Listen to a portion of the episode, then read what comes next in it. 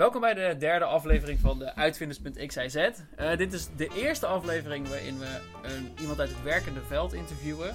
En zoals onze eerste aflevering een student was die natuurkunde studeerde, hebben we nu een werkende uit het natuurkundeveld.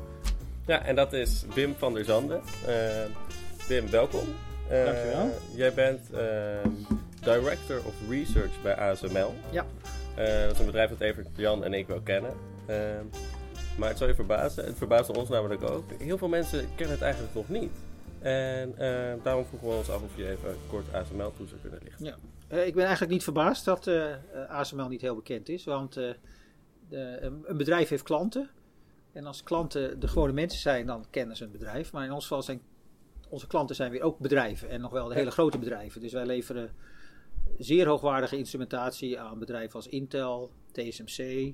Dat zijn machines die in grote fabs of fabrieken gezet worden. Die dan samen met andere processen uiteindelijk de chips maken die in onze iPhone zitten. Mhm. En de lithografiestap, dat is de stap die wij doen, daar staat ASML voor. Uh, dat is de, in zekere zin de meest dure en een soort centrale stap in het proces. daar heeft ASML wel een centrale rol in het volhouden van Moore's Law. Want in, die, in de belichting, lithografiestap, zit een, zit een essentiële uitdaging om die Moore's Law vol te houden. En, uh, Moore's Law, kun je kort toelichten wat ja, ja. Uh... Nou, er was een, uh, een iemand in het begintijd van de, de halfgeleiderindustrie, Moore, die merkte op dat al in de zestiger jaren de ontwikkelingen een bepaald tendens vertoonden. Ze probeerden transistoren te maken, dat waren onderdeel van de structuren die later in chips komen. En dat werd alsmaar kleiner en kleiner, maar toen nog behoorlijk groot. En ze moesten niet alleen gemaakt kunnen worden, maar ook dat ze het proces van het maken overleefden. Dus hij merkte gewoon, goh, elke twee jaar lukt het ons mensheid door voortschrijdend inzicht om het, het aantal functionerende transistoren met een factor 2 te verhogen. En toen heel uh, stoutmoedig begon hij een lijn te trekken wat dat zou betekenen. En uh, extrapoleren is altijd een stuk ingewikkelder en riskanter dan uh, interpoleren. dus, maar op een of andere manier is deze voorspelling, daar houdt de wereld zich nog steeds aan. Het is interessant om filosofisch na te denken of het bestaan van een voorspelling ons gedrag zo mede bepaalt dat we aan houden. Of dat het, de natuur het gewoon ons toestaat om dat te doen. Ja. En dat doen we nou al omdat het per twee jaar is en dat het al 40 jaar lang is, kan je uitrekenen hoeveel factoren 2 we al niet gehad hebben ja. in, die, uh, in dat verbeterproces. Ja, ja, ik heb het vaak gehoord, Moore's Law, maar dan eigenlijk op een soort van hoger niveau. Dus bijvoorbeeld iemand vertelde me, ja, dat geldt voor van die geheugenkaartjes. Dan heb je eerst 8 gigabyte en dan 16 gigabyte en dat verdubbelt zich steeds. Maar misschien komt het eigenlijk omdat het op een fundamenteel niveau um, geldt voor chips. Ja, ik, ik ken die relatie niet zo keihard. Maar het is natuurlijk zo, wil je een 32 gigabyte kaart maken, dan moeten je onderdelen wel een bepaalde klein genoeg zijn om dat te kunnen proppen mhm. in dat kleine dingetje. Ja, dus als je zegt fysiek wil ik geen geheugendingen meenemen die een rugzak groot zijn, maar die als een stikje ergens in kan duwen, dan is dus uh, de, de, de verkleining in de processen is een noodzakelijke voorwaarde om die dingen groter te maken. Dus dan, dan klopt dat lijntje even. Maar dat gaat ook over de CPU uh, voor logic dus er is een soort mhm. geheugenlijn die steeds beter wordt, maar ook de logica chips. Dus de chips die gewoon het nadenkwerk doen en niet alleen de opslag. Oké. En daar speelt ASML een belangrijke rol in? Nou, ASML speelt daar een belangrijke rol in, want wij bouwen die machines die de, de continue verkleining van details op de chip mogelijk maken. Ja. Nou, leuk. Ja, we hebben dus een interview al een student al geïnterviewd over natuurkunde. Dus dit interview gaan we vooral, voor deze podcast weer vooral praten over de tijd na de studie. Ja. En nu ben je Director of Research bij ASML. Maar we zagen ook dat je hoogleraar bent geweest. Dus uh, kun je ons even kort meenemen vanaf jouw tijd na je studie tot nu? Ja. Uh, na mijn studie was het uh, overduidelijk voor mij dat ik natuurkunde zo fascinerend vond dat ik uh, wilde via promotieonderzoek wilde weten van waar de grenzen lagen. Mm -hmm. En ook dat het een, een heel mooi spel is, natuurkunde. Ik heb ooit ook biochemie gedaan, niet alleen natuurkunde. Dus ik moest ook een beetje kiezen tussen die twee richtingen. En toen ik daarover nadacht, toen dacht ik, toen ik zo jong was, als uh, zeg 5, 24 was ik toen denk ik. Mhm. Bij biochemie waren de antwoorden belangrijker, want dat ging over mijn lijf. Maar bij natuurkunde was het spel veel mooier. Want ik was in staat om bij die technieken naar individuele atomen te kijken. En na te denken wat één foton doet op materie. En dat was wel cool. Dus in mijn promotietijd mocht ik ook werken aan een machine waar ik individuele zuurstofatomen zag. Ik zag ze gewoon aankomen op een plaatje en daaruit kon ik conclusies trekken. Mhm. Misschien irrelevant in de grote gehelde dingen, maar wel ongelooflijk gaaf om te doen. En na die promotie in Amsterdam ben ik eh, gaan postdocken in de Verenigde Staten bij Stanford University Hm. eh, voor twee jaar. Eh, in, een, in een soort aan, aangrenzend gebied. En na terugkomst kreeg ik eerst een tijdelijke en toen een vaste baan in het Research Instituut waar ik ook gepromoveerd was. Dat is het FOM Instituut Aamhof in Amsterdam. En zo ben ik langzaam, langzaam steeds mijn vakgebied veranderend doorgegaan tot 2003 in Amsterdam. En toen ben ik overgestapt naar Nijmegen waar ik eh, hoogleraar experimentele natuurkunde ben geworden. Ja. Tot 2014, waarna ik dus de academische wereld vaarwel heb gezegd om te beginnen bij ASML. Oké, nou, interessant om te horen. Ehm, omdat wij ook zo geïnteresseerd zijn in de toepassing van ehm, de theoretische studies juist. En ook wel het verband tussen het werk dat mensen doen aan de universiteit en het werk dat dan gebeurt eh, in het bedrijfsleven. Zijn we heel benieuwd naar hoe die overstap was voor jou van eh, de wetenschap naar het bedrijfsleven toe. Ja. Nou, daar is een, een, heleboel over te zeggen. Mhm. Dus het, het mooie is, of het rare is, dat de academische wereld bestaat uit allemaal mensen die die wereld nemen als hun referentiekader. En heel weinig weten van de industrie. Mhm. En industrie is er ook een soort onbegrip die groeit, want bijna iedere industrie heeft ooit een universiteit gezien. Ja, eh, op het niveau van research. Ja. Maar een soort onbegrip wat ze daar doen. Dus Mhm. het, is, het is eigenlijk jammer dat er niet meer eh beweging tussen die twee ja. werelden is. het zijn een beetje twee gescheiden werelden. Het zijn, er lijken twee gescheiden werelden. En wat is bijvoorbeeld één ontdekking? Dat, eh, dat ik, ik, ik was niet gelukkiger geweest als hoogleraar als ik iets gedaan had wat de maatschappij ten positief in één keer veranderd had. Gewoon iets cools. Een nieuw materiaal. Je was niet gelukkig Toen was ik super gelukkig Oh, ja, ja, ja. ja. Super gelukkig geweest. Ja. Dus het is niet dat we dat niet doen uit een soort principe. Ja. We doen alleen maar dingen die nutteloos zijn, want dat is onze trots. ja. Elke hoogleraar, bijna iedereen, die zou niet trotser zijn dan als hij hier stond. Maar dat is heel moeilijk. Het is heel moeilijk om tegelijkertijd de grenzen van het kennen te verschuiven Mhm. en meteen functioneel te zijn. Ja. Dan moet je echt heel veel geluk hebben. Mhm. Dat betekent ook dat de academische wereld is nu zo ver gevorderd dat de afstand tussen dat verschuiven van die grenzen en het functioneel kunnen maken op, de, op het niveau van de industrie, dat is een hele grote afstand. Daar ben ik in Ja. zekere zin ook van geschrokken.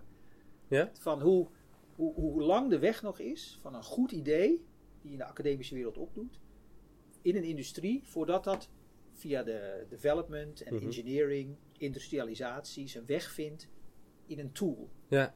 Zou je dat in jaren kunnen uitdrukken? Oh ja, dat is, ik denk gemiddeld tien jaar gewoon. Ja. Tien jaar minimum. Ja, En dan gaat het goed. Ja, Dan was het echt heel gunstig. Als, als er iets exotischer is, dan is het 20 jaar. Ja. Terwijl de overtuiging in in de universiteit is dat dat, dat is zo'n goed idee, dat is drie jaar. Ja. Ja, ja, niet waar. Die onderschatten hoe moeilijk het is. Die om te onderschatten wat die stap is tussen dat concept en dat idee. Ja. En denk ik, ik ben nu klaar, Mhm. hier, Ja. maatschappij, pak het op. Ja. En toch is het wel noodzakelijk. Als niemand het doet, zaait niemand dat, dat plant niemand dat zaadje Nee. waarop de maatschappij verder kan komen duren. Maar hoe Ja. dat nou gaat en hoe je het efficiënt maakt is volstrekt onduidelijk voor mij. Ja. Het is noodzaak. Er zit een oneindige tijd tussen, dus je Ja. kan er heel moeilijk op sturen in een soort Mhm. eh, managerachtige manier. Dus Mhm. we moeten het doen, Ja. maar het is inderdaad een grote afstand. Oké, en denk je dat, die, dat, dat we eigenlijk de tijd zouden moeten investeren in die afstand verkleinen? Dat is een hele goede vraag en daar weet ik het antwoord niet op. Oké. Want als je hem heel klein maakt, dan doe je allemaal hetzelfde. En dan verlies je Mhm. die super originaliteit en Ja. die- al die onzin dingetjes die je eromheen doet, die, eh, die, die mensen toch vormen en de mensheid mede vormen. Ja. Heb je dus dan deels de overstap gemaakt omdat je meer aan het roer wilde staan van het implement, van, om dat gat kleiner te maken? Dus dat je vanuit de andere kant dichter bij de... Nee, nee. De, de belangrijkste reden om de stap te maken was eh, een stukje nieuwsgierigheid hoe het hier werkte. Hoe werkt de industrie? Hoe, hoe, hoe gaat het nu? En dat, dan kan ik niet mijn eigen gewoontes meenemen met de universiteit. Dan moet ik gewoon opnieuw inpassen in hoe het hier werkt. En een Mhm. klein beetje van mijzelf meenemen hoe het hier werkt. Ja. En Ja. waarom wilde ik dat wel doen? Omdat ASML echt heel speciaal is. Wat wij doen aan de, de diepte van de vragen die wij ons moeten stellen, natuurkundig gezien, Mhm. dat is gewoon de universiteit. Ja. Daar zit geen verschil. Wij doen dingen die, die gewoon universiteiten niet zouden kunnen, zelfs qua, qua, qua achtergrond natuurkunde en ontwikkelsnelheid om, om die dingen te maken. Er zitten echt hele fundamentele vragen Ja. die mij heel veel voldoening geven. Overigens niet het fundamenteel wat sommige hoge energiefysici, als je die gaat in- interviewen, Mhm. die zeggen ja, fundamenteel is als je nieuwe wetten schrijft. Ik ben een simpele natuurkundige van het natuurkunde van het dagelijks leven. Dus ik maak geen nieuwe natuurwetten. Maar ik vind het al heel fundamenteel als ik, als ik diep nadenk over wat betekent de interactie tussen licht met materie. Wat doet dat met materie? Ja. En, en, en wat betekent dat als ik er gebruik van wil maken of als ik er iets over wil leren? Ja, Dat is voor mij al fundamenteel. Is maar- dat ook typisch voor een experimenteel fysicus ten opzichte van een theoretic? eh, Nee hoor, nee, nee, nee, dat is, eh, dat is de, de twee werelden. Dat Ja, is eh, de wereld van de hoge energiefysica zegt, ik, de, de, de, de, gewone wereld die is voldoende bekend. Die, Ja, je hebt de ja. Schrödinger vergelijking, je hebt Maxwell gehad. Dus Mhm. dat, de rest is detail, zal ik maar zeggen. Maar ik ga verder om achter die wetten nieuwe waarheden te zoeken. ja. in de hoge energiefysica of stringtheorie. Mhm. Dat is het echte duwen. Ja. En je hebt een hele grote wereld van theoreten en experimentatoren die zeggen nee, ik herken gewoon wat een ongelofelijke stappen je kan maken door rekening te houden met de, gewoon de complexiteit van de gewone wereld. Ja. En waar je een stuk natuurkunde voor nodig hebt en een stuk intuïtie en een stuk ontdekking. Ja. En dan krijg je gewoon hele mooie nieuwe Ja. dingen. En dat doen we bij ASML. Is dat dan misschien, eh, misschien is, dit klopt het ook niet, maar is dat dan misschien meer wat ze aan technische universiteiten doen ten opzichte van wat ze aan, ja, hoe zou je het noemen, meer theoretische universiteiten? Ja, ja, ja er is wel een soort, eh, als je kijkt naar het, ons hele onderzoekspalet. En Mhm. je zou het onderdelen welke fractie hoort karakteristiek heel dicht bij wat technische universiteiten doet en wat bij algemene. Ja. Dan is een grotere fractie bij technische universiteiten. ja. Want ASML is niet alleen natuurkunde, is ook eh, mechatronica. Mhm. eh, noemen wij flow, vloeistofdynamica en Ja. gasdynamica. Dat zijn typisch dingen die op technische universiteiten groot zijn. Ja. En er is ook een stuk natuurkunde wat er heel goed past. Dus Ja, het is niet er ligt er iets meer nadruk op Ja. werk wat op technische universiteiten wordt onderwezen. Ik denk dat het wel een mooi moment is, want in onze podcast met Evita heeft zij ook een vraag gesteld aan de professional van natuurkunde die wij nog zouden gaan interviewen. Dus Ja. die komt nu bij jou terecht. En haar vraag was: hoe houd je je totale nieuwsgierigheid vast als je het onderzoek verlaat en het bedrijfsleven ingaat? Maar je hebt dus al een beetje aangegeven van dat je ook in de dagelijkse natuurkunde ook die nieuwsgierigheid. Ja, ja, dus En dat is- er eigenlijk geen verschil is. Dit is voor mij een hele aparte vraag. Ik zou Ja. zeggen, Evita, er zit geen enkel verschil. Nieuwsgierigheid is het aangaan van, de, van een soort uitdaging. Dit is, je kan in hele kleine vragen kan je hele grote uitdagingen zien. Ja, Ik, ik zal een heel klein zijstapje maken. Je kan de wereld verdelen in dingen die je doet, omdat ze heel belangrijk en veel verantwoordelijkheid dragen. En dingen die je doet die heel veel creativiteit. Verantwoordelijkheid betekent dat je vaak heel volgens protocollen moet werken. De chirurg is een voorbeeld. De Mhm. operator in een, in een eh, kerncentrale is een voorbeeld. ja. En creativiteit is, wat eruit komt is niet zo belangrijk, maar je kan al je creativiteit botvieren. Mhm. Nou, je concentreren op hele kleine dingen kunnen al dat creatieve hebben. Dat, dat hoeft niet fundamenteel te zijn. De nieuwsgierigheid zit ook in, we, we moeten iets maken en dat mag niet stuk. Je kan zeggen, wat een doodnormale vraag. Maar als Ja. dat wat niet stuk maakt, maar 20 nanometer dik is, dan moet ik al heel diep nadenken in de eigenschappen van, van materialen. Van hoe ik überhaupt de vraag formuleer dat het niet stuk mag. Ja. En voor mij is dat op en top natuurkunde die mij heel erg fascineert. Ja. Dus ik zou inderdaad zeggen, in, in het algemeen is dat probleem niet. In de industrie, in ASML, Ja, zijn de vragen op een heleboel niveaus zo dat heel veel creativiteit zit. Maar er zit ook een stukje verantwoordelijkheid in. En dat is Want, nieuw. dat, want wij moeten klanten bedienen en die machines moeten doen. Dus je kan in stukken ASML zitten waar je een, iets krijgt van een klant dat iets niet werkt. Dan moet je je natuurkunde inzetten met de verantwoordelijkheid dat het ook werkt. Ja, dan moet je wel misschien eh, meer protocolair, saaiere stappen uitvoeren om heel zeker te zijn dat het werkt. Ja, En dan voelt het misschien niet altijd als nieuwsgierigheid, maar echt als het aflopen van protocollen. Maar er zit wel Mhm. steeds gedachte achter van natuurkunde en, en, en ja. inzicht. Dus wij hebben allebei in het palet. Maar er zit hier barstens veel eh echt een mooie natuurkunde. Ja, ik begrijp wel wat, wat Evita bedoelt. Het is toch wel een groot verschil dat je bij de universiteit, eh, nou, als je een goede positie hebt, dat je de kans krijgt om echt te onderzoeken wat je zelf wil. Terwijl bij ASML is de onderzoekagenda wordt gedreven door wat, waar je het meest geld mee verdient. Dus het zou wel toevallig zijn als dat net ook is wat je interessant vindt. Eh, dat is in zekere zin waar. En ik denk dat het ook heel mooi is als, eh, als in een, in een universitair systeem een hoogleraar of een begeleider, promovendi of student een Mhm. idee geeft, doe wat je wilt. Ja. Maar eigenlijk is dat ook niet waar. Nee, nee, nee. Want die, die hoogleraar of universiteit die heeft ook een droom. Mhm. Ja. En zijn droom is om in een bepaalde richting zo goed mogelijk zich in te zetten om daar vooruitgang te boeken. Dus hij zal toch zijn mensen sturen om, om, om dingen te doen die horen bij een programma. We hebben allemaal programma's. Ja. Het is, het is geen wetenschapper die meer werkt van, weet je, ik ga eens vandaag zitten en ik ga eens vandaag Nee, nadenken nee, over, nee, nee, dat- over dat is waar. Dat is blauw waar. dat is. is En waar. morgen ga ik eens het getal van ja, Avogadro betalen uit, eh, Ja. uit de kleur van thee. Mhm. Daar ga ik heel lang over nadenken. Ja. Ja, dat is heel Ja. leuk, maar dat doet echt niemand meer. Dus is ASML in die zin dan de beste van twee kwaden? Nou, dat, dat, is, dat is persoonsafhankelijk. Ik, ben Ja. ont- ik voel mij ontzettend op mijn plaats hier. Mhm. En eh, sommige dingen zijn heel veel lastiger. Dan voel ik me nog een st- student die hier pas drie jaar is. Ja. Nog heel veel moet leren. Ja. En voor andere typisch echt natuurkundige dingen, dan voel ik Mhm. me helemaal op mijn plaats. Ja. Met Ja, ik kan me ook voorstellen dat het wel meer diversiteit geeft dan als je zegt dat het, het heeft de natuurkunde die ehm, je eigenlijk op de universiteit ook vindt, maar daarnaast heeft het ook iets anders. Ja, het is, eh, het is een balans. Ja. Ik mis het onderwijs aan jongens zoals jullie. Ja? Ja, dat is nu nog wel, denk ik. Dat, het onderwijs als systeem, als probleem. Mhm. Wat doseer je wel, wat doseer je niet, waarom eigenlijk? Mhm.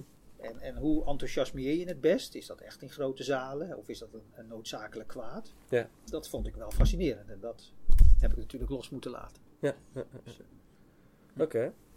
Eh, en hier zijn ook nadelen. Ik zal ze hier niet noemen in het interview, maar ASML heeft ook nadelen. Tuurlijk, ja. tuurlijk. Dus, Nee, dat, dat, dat, Ja. eh, Er zijn opeens mensen die beslissingen kunnen nemen die je niet altijd zelf draagt. Dat is deel van de industrie. ja. Meer dan eh, van, van, eh, van de wetenschap. Ja, de universiteit bepaalde ik als hoogleraar kon ik toch behoorlijk Ja, bepalen ja, wat ik uiteindelijk ja, doe. Of mensen het belangrijk vonden was een tweede, maar Mhm. ik kan Ja. wel die Ja. beslissen. Echt, maar hier beslissen we met z'n allen. Ja, ja, en in de praktijk hiërarchisch gezien toch ook Mhm. gelaagd van eh, kunnen we iets zomaar stoppen of Nee. Niet. Oké. Ehm, ja, je vertelde dat, dat dus eigenlijk de natuurkunde bij ASML op sommige vlakken op hetzelfde niveau zit. En eh, ja, even baanbrekend is als de natuurkunde aan de universiteit. Eh, kan je een voorbeeld geven van een ja, natuurkundige prestatie van het onderzoeksteam van ASML dat je heel erg heeft verbaasd? Ehm, ja, dat is een hele goede vraag. Ehm, dan moet ik even heel precies zijn, want het woord natuurkunde en de engineering kant van natuurkunde zijn Mhm. voor sommige mensen duidelijk verschillend. En voor mij Ja. lopen die continu in elkaar over. Ja. Hè, dus ik, ik Ja. zou kunnen zeggen, ik ga nu iets vertellen van hoe we iets doen. En mensen zeggen, ja, maar dat is toch gewoon Dat is geen engineering. natuurkunde, dat is engineering. Maar ik ga Ja. het toch zeggen. Dus eh, Ik denk dat wij zo'n breed begrip van natuurkunde hebben dat dat eh, toegestaan is. ja, dus eh, toen ik hier kwam en, en, en ik, ik, ik, ik snapte welke stap ASML genomen heeft om van eh, de huidige standaard 193 nanometer naar de nieuwe standaard 13,5 nanometer licht. Golflengte wordt kleiner, Ja. kleinere Mhm. details, et cetera. Dat is, een, is dus nagedacht van hoe maak je een 13,5 nanometer bron. Mhm. Nou, 13,5 nanometer, dat is zo'n energetisch licht, dat haal je niet uit lasers. Er zijn gewoon geen laserprincipes die dat kunnen. Dus je moet terug naar een soort... zijn groter. Of, of, Nee, lasers, dat is, lasers heb je in zichtbaar licht, groene lasers, blauwe Ja, lasers. En daar zit iets bijna essentieels in, dat je lasers stabiel kan houden ja. in kleuren die een beetje menselijk zijn. Mhm. Mhm. Ja? Als je ze de, de, het licht energetisch maakt, dan blijft niks heel en daardoor Ja. kan je ook het proces niet constructief blijven laten lopen. Oké. Dus er moest iets bedacht worden. En wat er bedacht is, is dat wij wel tienduizenden keren per seconde een klein zonnetje maken. Van een, van een, van een klein druppeltje, van, van zeg maar de orde van microns groot druppeltje van tindeeltjes. Mhm. Die we even verhitten tot 200.000 graden. Om hem dan spontaan te laten stralen bij 13,5 nanometer. Ja. En ook bij andere golflengtes. Dat Ja. we dat licht verzamelen. En dan komen we tot een bron die wel meer dan 100 watt kan leveren. En dat zijn getallen die jullie niet zoveel zeggen. Maar dat is echt, is echt ongelooflijke getallen om, om die, dat plasma en de interactie van het, het licht waarmee we dat plasma pompen om dat heet te maken. Ja. Zo te optimaliseren dat alles klopt. En dat we ook alle verschillende parameters die nodig zijn om dat plasma te laten werken. Je moet het namelijk laten zo heet maken. Maar tegelijkertijd moet je het ook zo maken dat als er licht gevormd wordt, dat dat er wel uitvliegt. Dat dat weer niet op, heropgenomen wordt. Ja. Dus alle grootheden van het proces zijn allemaal perfect geoptimaliseerd. Dus Ja. alle natuurkundewetten, of het nou Maxwell is en plasma natuurkunde. Mhm. Zeker een stukje kwantummechanica voor de level spacing van dingen. Die moeten allemaal samenkomen in die machine. Ja. om dan ook nog die technologische stap te maken om zo'n bron te maken. Ja, ja, ja, ja. En ik zou gedacht hebben dat dat gewoon een, een academische aardigheid is om zo'n geweldige bron te maken. Ja, of wellicht ja. een of andere militaire aberratie. Maar nee, Ja. wij maken hem gewoon voor een, voor een heel goed doel om, Ja, ja, ja. om chips te maken, kunnen maken in tools. Maar het klinkt alsof het hier dus wel redelijk duidelijk is hoe je natuurkunde in je werk gebruikt. dat waren ook Ja. onze vragen. Maar... Nee, het is eh, natuurkunde, fysische chemie. Ja. eh, dat, dat zit echt, eh, echt intuïtie. Ja. Ik, eh, Ja. ik zeg altijd, na 20, 30 jaar heb ik het gevoel dat ik weet wat een elektron denkt. Als hij een stralingsveld ziet en als hij atomen om zich heen ziet. En dat ik op grond daarvan, ik weet wat hij gaat Zo beslissen. Dus ik- intuïtief, in- intuïtief is dat begrip van. Ja. bij mij, Ja, ja, gewo- ja. gegroeid. Gegroeid, Dat ja, is ja, eh, 10.000 uur werken aan een Ja, vak ja, ja, en dan groeit ja. er langzaam een soort intuïtie. Ja. En hoe meer dat mensen dat hebben, hoe functioneler het hier is om, om, de, om de goede dingen te realiseren en beslissingen te nemen in een heleboel projecten. Ja. Wij hadden, ik denk, heel veel studenten, en misschien ook wel in de wat fundamentelere eh, studies zoals natuurkunde, die zullen vaak nadenken over moet ik een PhD doen. En, dat, en het klinkt alsof dus ASML heel erg op een hoog niveau, bijna gelijkwaardig aan de universiteit bezig is. Dus dan zou je zeggen, dan heb je echt iets aan je PhD. Je Maar moet bijna gepromoveerd zijn om, om, om te begrijpen wat hier gebeurt. Eigenlijk. Ja, dat is natuurlijk weer een hele verregaande zin. Mhm. Ehm, weer een, bijna een anekdote. Het is een sobering waarheid. We, we doen ook megatronica. Dat zijn de, de machines die, de wevers, waarop geschreven wordt, die moeten natuurlijk getransporteerd worden. Mhm. Dat zijn extreme bewegingen. Hele grote versnellingen en grote snelheden. En toch moeten ze uiteindelijk stilstaan met een nauwkeurigheid van tientallen Ja, nanometers. want je wil zoveel mogelijk wafers per minuut. Zoveel mogelijk Ja, wevers, maar ze moeten zo nauwkeurig in de x en y en de z, zodat ze Precies worden. precies ja. worden. Daar, doen, daar hebben we me- mensen voor, die hebben eh, motorenkennis, eh control loops kennis en dergelijke. Ongelooflijk, hoog niveau. Mhm. En op een of andere manier, als je je ingenieurstitel hebt en niet gepromoveerd, heb je op een of andere manier heb je alle kennis in huis om heel functioneel te zijn hier. Ja. Er zijn he- heel veel mooie tronen gepromoveerd, maar lang niet iedereen. Nee. Voor natuurkunde lijkt het wel, na die studie zijn, zijn jullie nog gewoon te theoretisch. Je moet je handen vuil maken aan zo'n promotietraject, dat is zowel dieper als ook Mhm. de zelforganisatie. Het opzetten van een project. Het zelf beslissingen nemen van, oké, waar ga ik uitzoeken, waar ga ik modelleren, wat ga ik meten. En het lijkt of die bagage ontzettend functioneel is om, om hier een bedrijf binnen te stappen en ook op, de, op het goede niveau conclusies te trekken en je, en je eigen experiment vorm te geven. Dus ik zou zeggen, ja, doe een promotie. Dus, maar dan specifiek dus, of ja, je praat natuurlijk vanuit natuurkunde, maar je hebt ook het idee dat het belangrijker is bij natuurkunde Ja. misschien dan bij andere... Ja, belangrijk bij natuurkunde en waarschijnlijk ook bij scheikunde en fysische chemie. En niet, niet zozeer om de kennis die je dan krijgt. Het is niet essentieel om het te begrijpen, maar het is wel... Nee, het is een stukje de intuïtie, Ja. maar het is ook de, de projectbasis. Mhm. En misschien ook wel een stukje van die 10.000 uren. Hè? Als je vier jaar promoveert en dan werk je 1600 uur per jaar. En als het goed is, werk je daar Ja. de helft van dat je echt denkt aan natuurkunde. En niet alleen aan frustratie of dat je les moet geven Ja. of iets anders moet doen. En lesgeven dus- is heel leuk. dat Nou, dus dat is natuurlijk wel interessant om te, om te horen. Ik niet, ja, ik had gedacht dat mensen hier bij natuurkunde ook wel vaak gewoon aan de slag zouden kunnen. Nou, in de researchomgeving, in mijn team, is bijna elke natuurkundige gepromoveerd. Oké. Volgens mij allemaal. Oh, dat Als ik ASML breed kijk, dan is, eh, zijn er 800 gepromoveerden op een technische eh, populatie van een paar duizend. Ja. Ja. Ik weet niet, 5.000, 6.000. Er zijn natuurlijk ook allerlei andere functies. Ja. Ja. En daar is 50% van heeft een, een master of bachelor. Dus er zijn ook hele functiegroepen waar dat, die, die balans net even anders ligt. Oké. Je hebt net al aangegeven dat universiteiten en ASML bijna op gelijk niveau staan qua onderzoek. En ASML dus misschien op sommige gebieden zelfs wel voorloopt. En je komt natuurlijk al vanuit de wetenschap. En dan kan ik me best voorstellen dat je denkt... Want ik kan me voorstellen dat ASML niet alles deelt aan informatie. En je hebt natuurlijk de achtergrond uit de wetenschap. En misschien voelt het voor jou wel een beetje van... Ik zou alles wel willen delen, want dan gaan we sneller misschien met de hele wereld dan dat we nu doen. Nou, dat is een heel goed punt. Eh, dat is voor mij het hele nieuwe van ASML. Wat, wat, hoe diep zit eh, eh, confidentiality, vertrouwelijkheid en, eh, Ja. en company secret. En daar zijn gewoon hele duidelijke regels over wat je wel en niet vertelt. Ja. Hoe je omgaat met intellectual property in de vorm van patenten. Mhm. Hoe je ook zorgt dat je eerst dingen soort, dat je ze kan beschermen. Grondregels voor ASML zijn dat er mag gewoon eigenlijk niks gebeuren waardoor externe partijen opeens iets kunnen doen waardoor wij moeten stoppen. Dus, dus Ja. informatie delen en we willen ook niet onze eh, concurrenten eh, te snel wijs maken. Voelt ook Ja. als natuurlijk. Eh, tegelijkertijd herken ik precies wat je zegt, dat, we, dat ik denk, ja, wat wij doen is heel mooi. Dus uiteindelijk denk ik ook dat kennis van ASML wel de maatschappij incijpelt. Kijk, als je allerlei machines bouwt, wordt op een gegeven moment wel bekend dat we bepaalde dingen opeens kunnen. Dat we opeens vermogens aan licht kunnen maken waarvan mensen dachten, hé, hey, ik wist niet dat dat kon. Ja. Dus dan komt die kennis er vanzelf. Mhm. Maar die vertraging is inderdaad best groot. En als jij mij persoonlijk vraagt van wat is jouw houding, dan denk ik wel eens, ik zou best meer willen delen.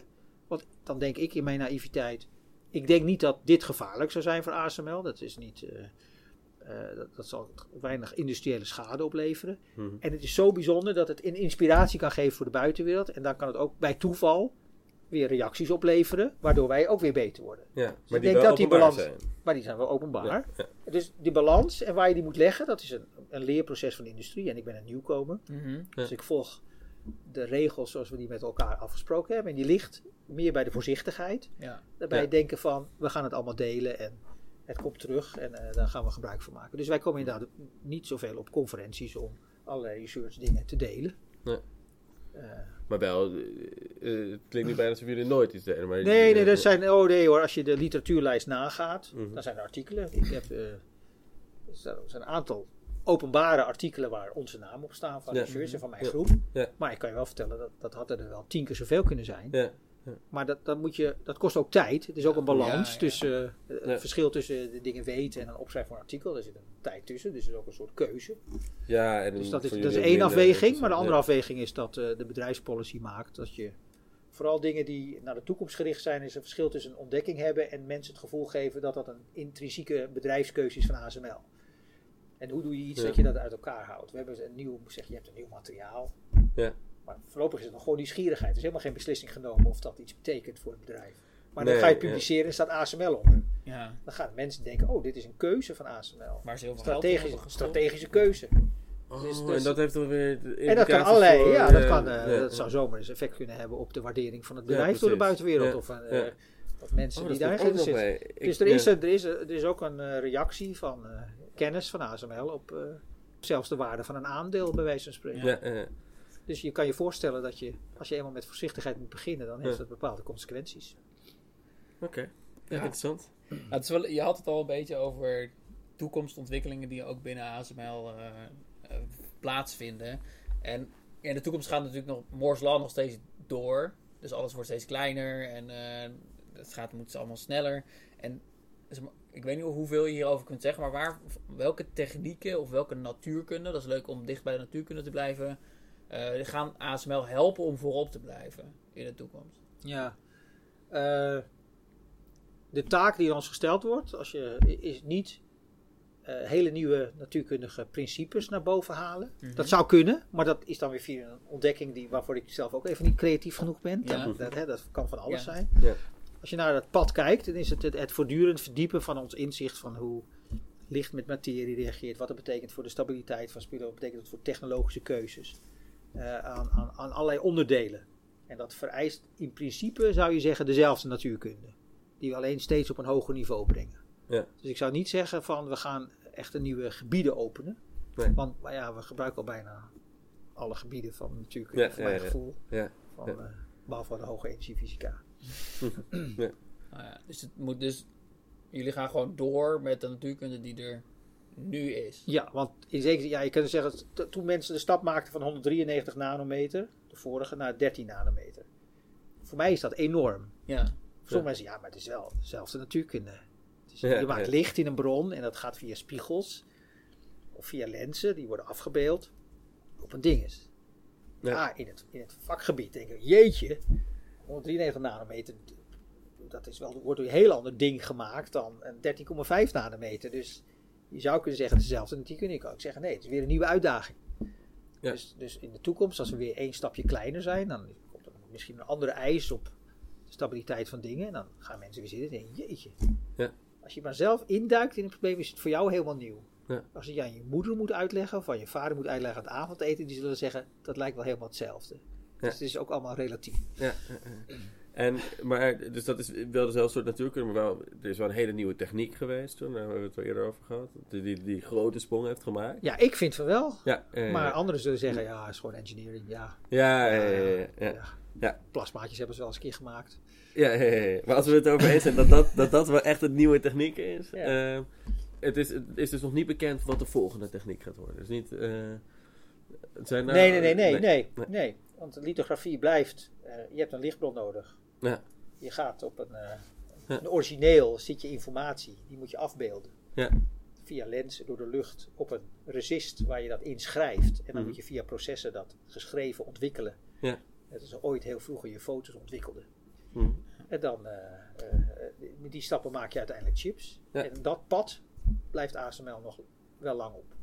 En ehm, dus dat doen jullie door steeds optimalisaties te maken. En daarbij houden jullie ook eh Moore's Law aan. Ja, het grappige is, Moore's Law is natuurlijk een integrale wet van het, van het hele ecosysteem. Er Ja. zijn misschien ook wel stappen geweest dat men via software trucs, software verbetering, Ja, hè, ja, ja, ja. twee keer zoveel uit het systeem haalde dan daarvoor. Ja. Dat de mensen die de elektronische Ja, ja, ja, aanleiding ja. maakten in staat waren om eh, de, de, de warmte uit een chip makkelijker weg te halen. Daar zaten wij dan niet bij. Nee, nee, nee, nee. Maar dat he- zijn ook stapjes van Ja, CPU. Dat ja. is dus, dan zeggen wij, wij geven dezelfde node, dezelfde structuur.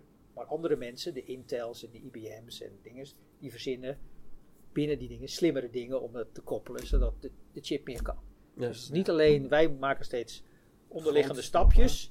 En daarbinnen wordt verfijnd. En dus het kan Ja. best zijn dat er een tijd komt dat eh Moore's Law gedreven wordt door andere technologieverbeteringen dan EUV. Ja, Dan, ja, eh, ja. Maar dat het dan zit in eh, de processen of andere materialen of dat Ja. soort dingen. Want je geeft aan dus dat je had eerst een laser en nu maak je dus licht op een hele andere manier Ja. door te schieten op kleine druppeltjes.